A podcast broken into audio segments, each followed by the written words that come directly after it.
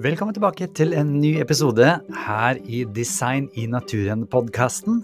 Jeg heter Chris Duve, og jeg vil bare minne deg på at du kan ta hele kurset her helt gratis med 38 forskjellige eh, informasjonsvideoer som da er lagd en podkast ut av, hvis du går inn på chrisduve.no og klikker deg inn på Design i naturen-kurset.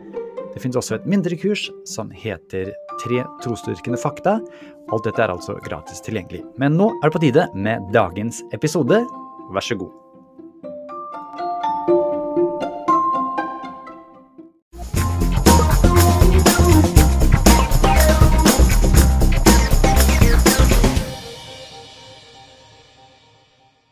Hjertelig velkommen til modul fire. Takk for det. Holder du ut? Jeg holder innmari ut. Ja, det var lov. Jeg gjør det. Jeg har et spørsmål til deg. Eh, hvorfor kan et fly fly? Nå er det et papirfly, men tenk Ja. deg et ekte fly. Et sånn okay. stor Boeing 747. Yes. Hvordan eh, kan den holde seg i lufta? Det lurer jeg alltid på når jeg flyr. Men eh, det er jo en motor, noen vinger Vingene, du er inne på noe med vingene. Ja. Vingene de er bygd sånn, så det tar lengre tid for lufta å gå over vingen enn under vingen. Ja. Og når det er motoren gir fart, så blir flyet sugd opp. Ikke sant. Stemmer.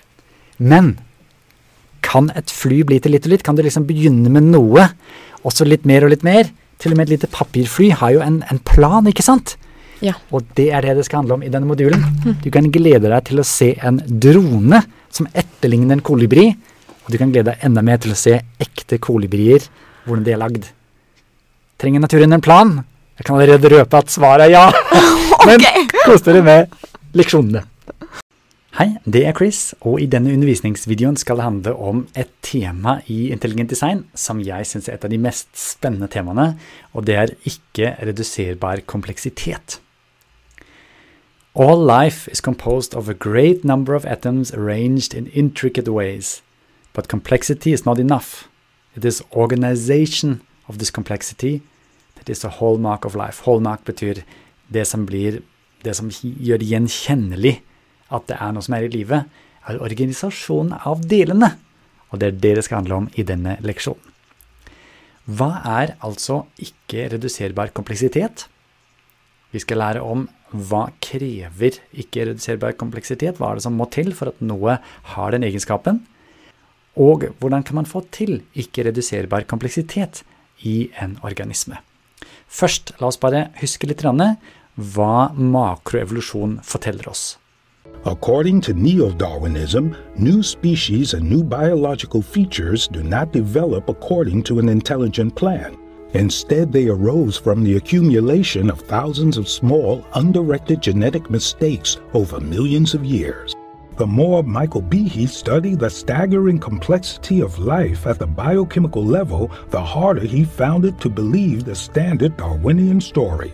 The bacterial flagellum was one of the biochemical systems that fueled Behe's skepticism. Og Dr. Michael Bee han har vi allerede møtt. Han har et fantastisk eksempel på ikke-reduserbar kompleksitet som han bruker mye, og det er musefella. Nå skal vi høre hvordan han forklarer hvordan musefella er bygd opp, og hvorfor dette er et system som ikke kan reduseres med en eneste liten del, faktisk. Her er Dr. Michael Behe. uh, used an example of another machine which is irreducibly complex. And most people have seen these. This is just a simple mousetrap. And a mechanical mousetrap has a number of parts. It's got this spring and it's got a wooden platform to which everything's attached. And the spring has an uh, arm that goes over and hooks onto this other metal part called the holding bar. The spring also has another metal part extending here to press against the platform. Uh, and it's got uh, this part, which is called the catch, in which the holding bar, or the uh, holding bar is attached, and it needs all these parts to work. Plus the If you cheese. did- Huh, plus, plus the cheese, or maybe some peanut butter. so, but and if you take away any of these parts, this uh, uh, the uh, spring or the catch or whatever, it's it's broken. It it doesn't work. So machines are almost always like this. They have a number of parts that are needed. And the big story of biology in the past 75 years or so is that we've discovered that life runs by molecular machines, real machines that that uh, that occur at the molecular level. And like a mousetrap, they need lots of different parts. And if they're missing a part, they don't work. This is a big problem for Darwin's theory that says that, well, you have to start with something that's working and improve it a little bit so natural selection can grab onto it and then improve it a little bit more and improve it a little bit more. But if you have something that is irreducibly complex, like a mousetrap or a flagellum, you can't do that. So Darwin's theory just doesn't work for these types of systems. Nå har vi allerede lært at um, det som eh, Darwins uh, system gjør, altså dette med naturlig utvalg og på mutasjoner, er jo flotte saker, ikke sant? Tenk at en eh, brunbjørn som etter hvert trenger å tilpasse seg til kaldere deler, kan knekke fargegenet, bli hvit ikke sant, over lang tid osv. Det er helt supert. Men det fins ting som da makroevolusjon ikke kan få til, og dette systemet med ikke-reduserbar kompleksitet er noe av det som vi finner egentlig overalt i kroppen. Og det skal da ha flere deler i samme system, at det er flere deler som må fungere sammen. akkurat som en musefelle. Nå er det noen som sier ja, men musa kan jo snuble over brettet og, og slår seg litt, eller, og det er liksom en liten funksjon. Du kan bruke brettet for å holde ned brev, ark og sånn. Men det forklarer ikke hvordan en musefelle blir bygd. Mer om det kan du også høre når du hører hele intervjuet i bonusdelen. Nå skal vi høre fra professor eh, doktor Steinar Thorvaldsen oppe i Tromsø, fordi han har jobba med et enzym som også har denne kvaliteten av å være ikke-reduserbar. Kan det ikke da bli design, det også? Jo, men her trengs det mye mer enn en kjemiske lover om eh, pluss og minus og vannavstøtning som heter hydrofobisitet og naturlover. Her er det sluttproduktet som teller. og La meg forklare det her ved et, uh, hjelp av et enzym som vi har forska veldig mye på ved Universitetet i Tromsø.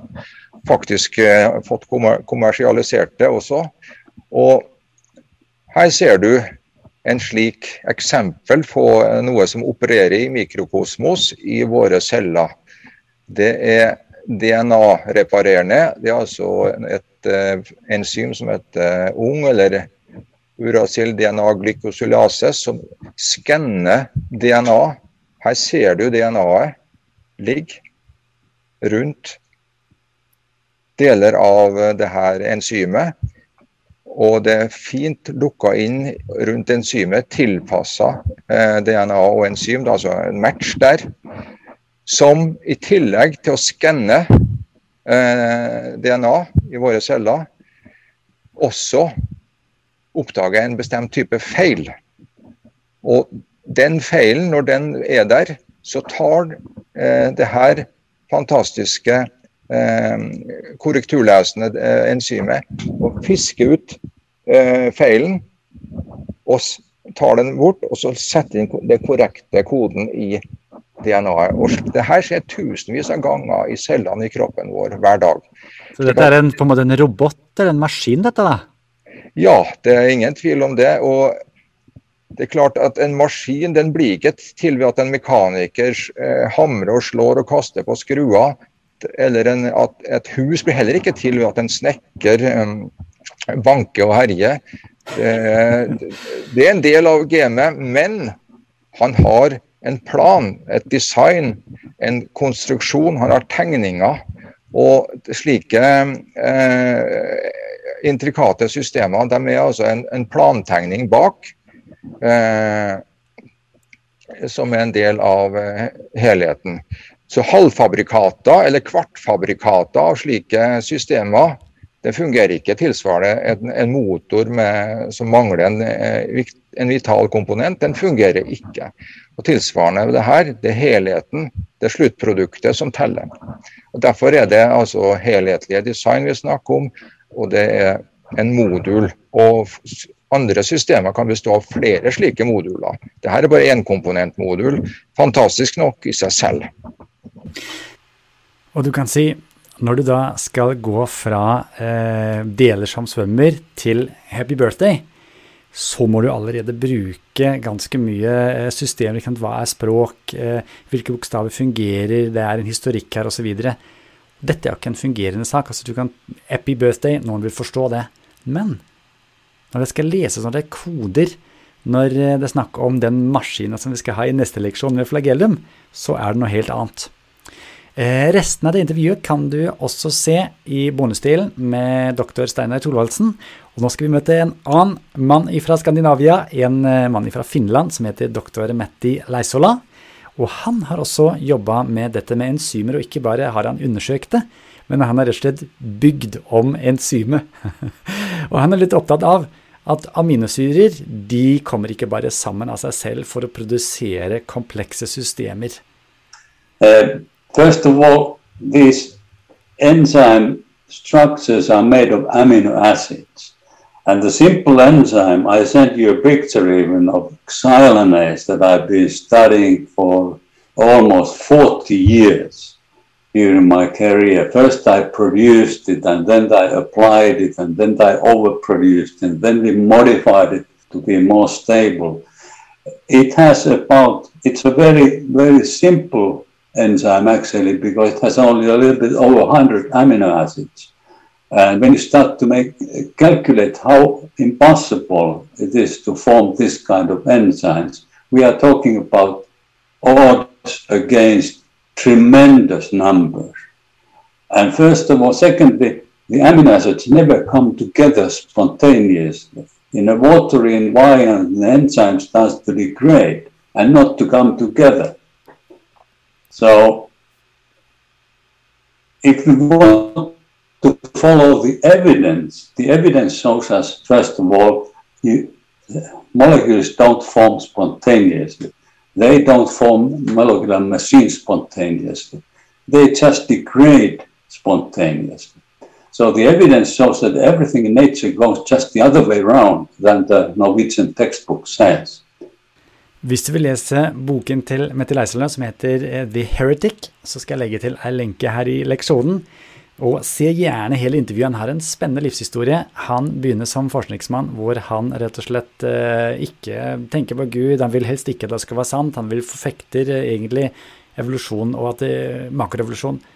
Han forfekter egentlig makrorevolusjon og vil at ting skal kunne bli til av seg selv over tid. Men så kommer bevisene, og da må han gi seg. Um, og eh, ting forandrer seg i livet hans. Mer også med han i modul nummer ni. The more biologists look, the more complexity there seems to be. I denne leksjonen har du lært hva ikke-reduserbar kompleksitet er. Det er et system med flere deler som må fungere sammen, der borttagelsen av én del resulterer i ødeleggelsen av systemets funksjon.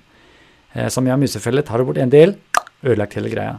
Eh, har du et enzym, tar du bort eh, noe, så funker det ikke. Og mer om det skal vi ha med flagellomotoren i neste leksjon. For å lage noe med ikke-reduserbar kompleksitet, så trengs det en plan, et design. Dette faller ikke sammen. Pluss at når det skal gå over tid, og generasjonene skal ta dette med videre, så er altså en, et halvt enzym Det er ingenting verdt å ta med videre. Eh, en halv motor, eh, en halv musefelle, den fanger bare ikke mus. Og da blir ikke det forarvet videre. Så dette her er en stor utfordring for makrorevolusjon hvis man ikke har en plan eller design. Nå er det tid for action. Da er det din tur å tenke deg en samtale eller å skrive ut oppgavearket. Kan du fortelle hva betyr dette med ikke-reduserbar kompleksitet? Kan du gi et eksempel på det? Noe som alle har i huset. Det kommer du på. Eh, kanskje et eksempel også fra det som eh, blir fortalt her, eller fra neste leksjon. Det er jo sånn poster child med flagellum. Og hva må til for å lage noe som har ikke-reduserbar kompleksitet? Dette er et ganske viktig ord. Det er viktig å ikke bare si 'Å, det er så fantastisk laga, så noen må ha gjort det', men å si at 'Ja, men la oss se hva det er. Å, det er et system. Det er så komplekst at tar du bort en del, så funker det ikke. Ergo derfor må det designes, og det kan ikke bli til over lang tid med små steg.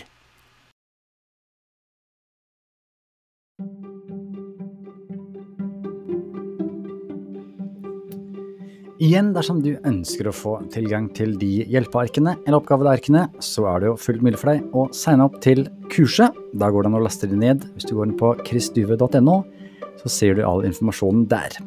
Dersom du ønsker å støtte denne podkasten og annet arbeid som jeg holder på med, kan du også lese mer om det på chrisduve.no. Takk for nå.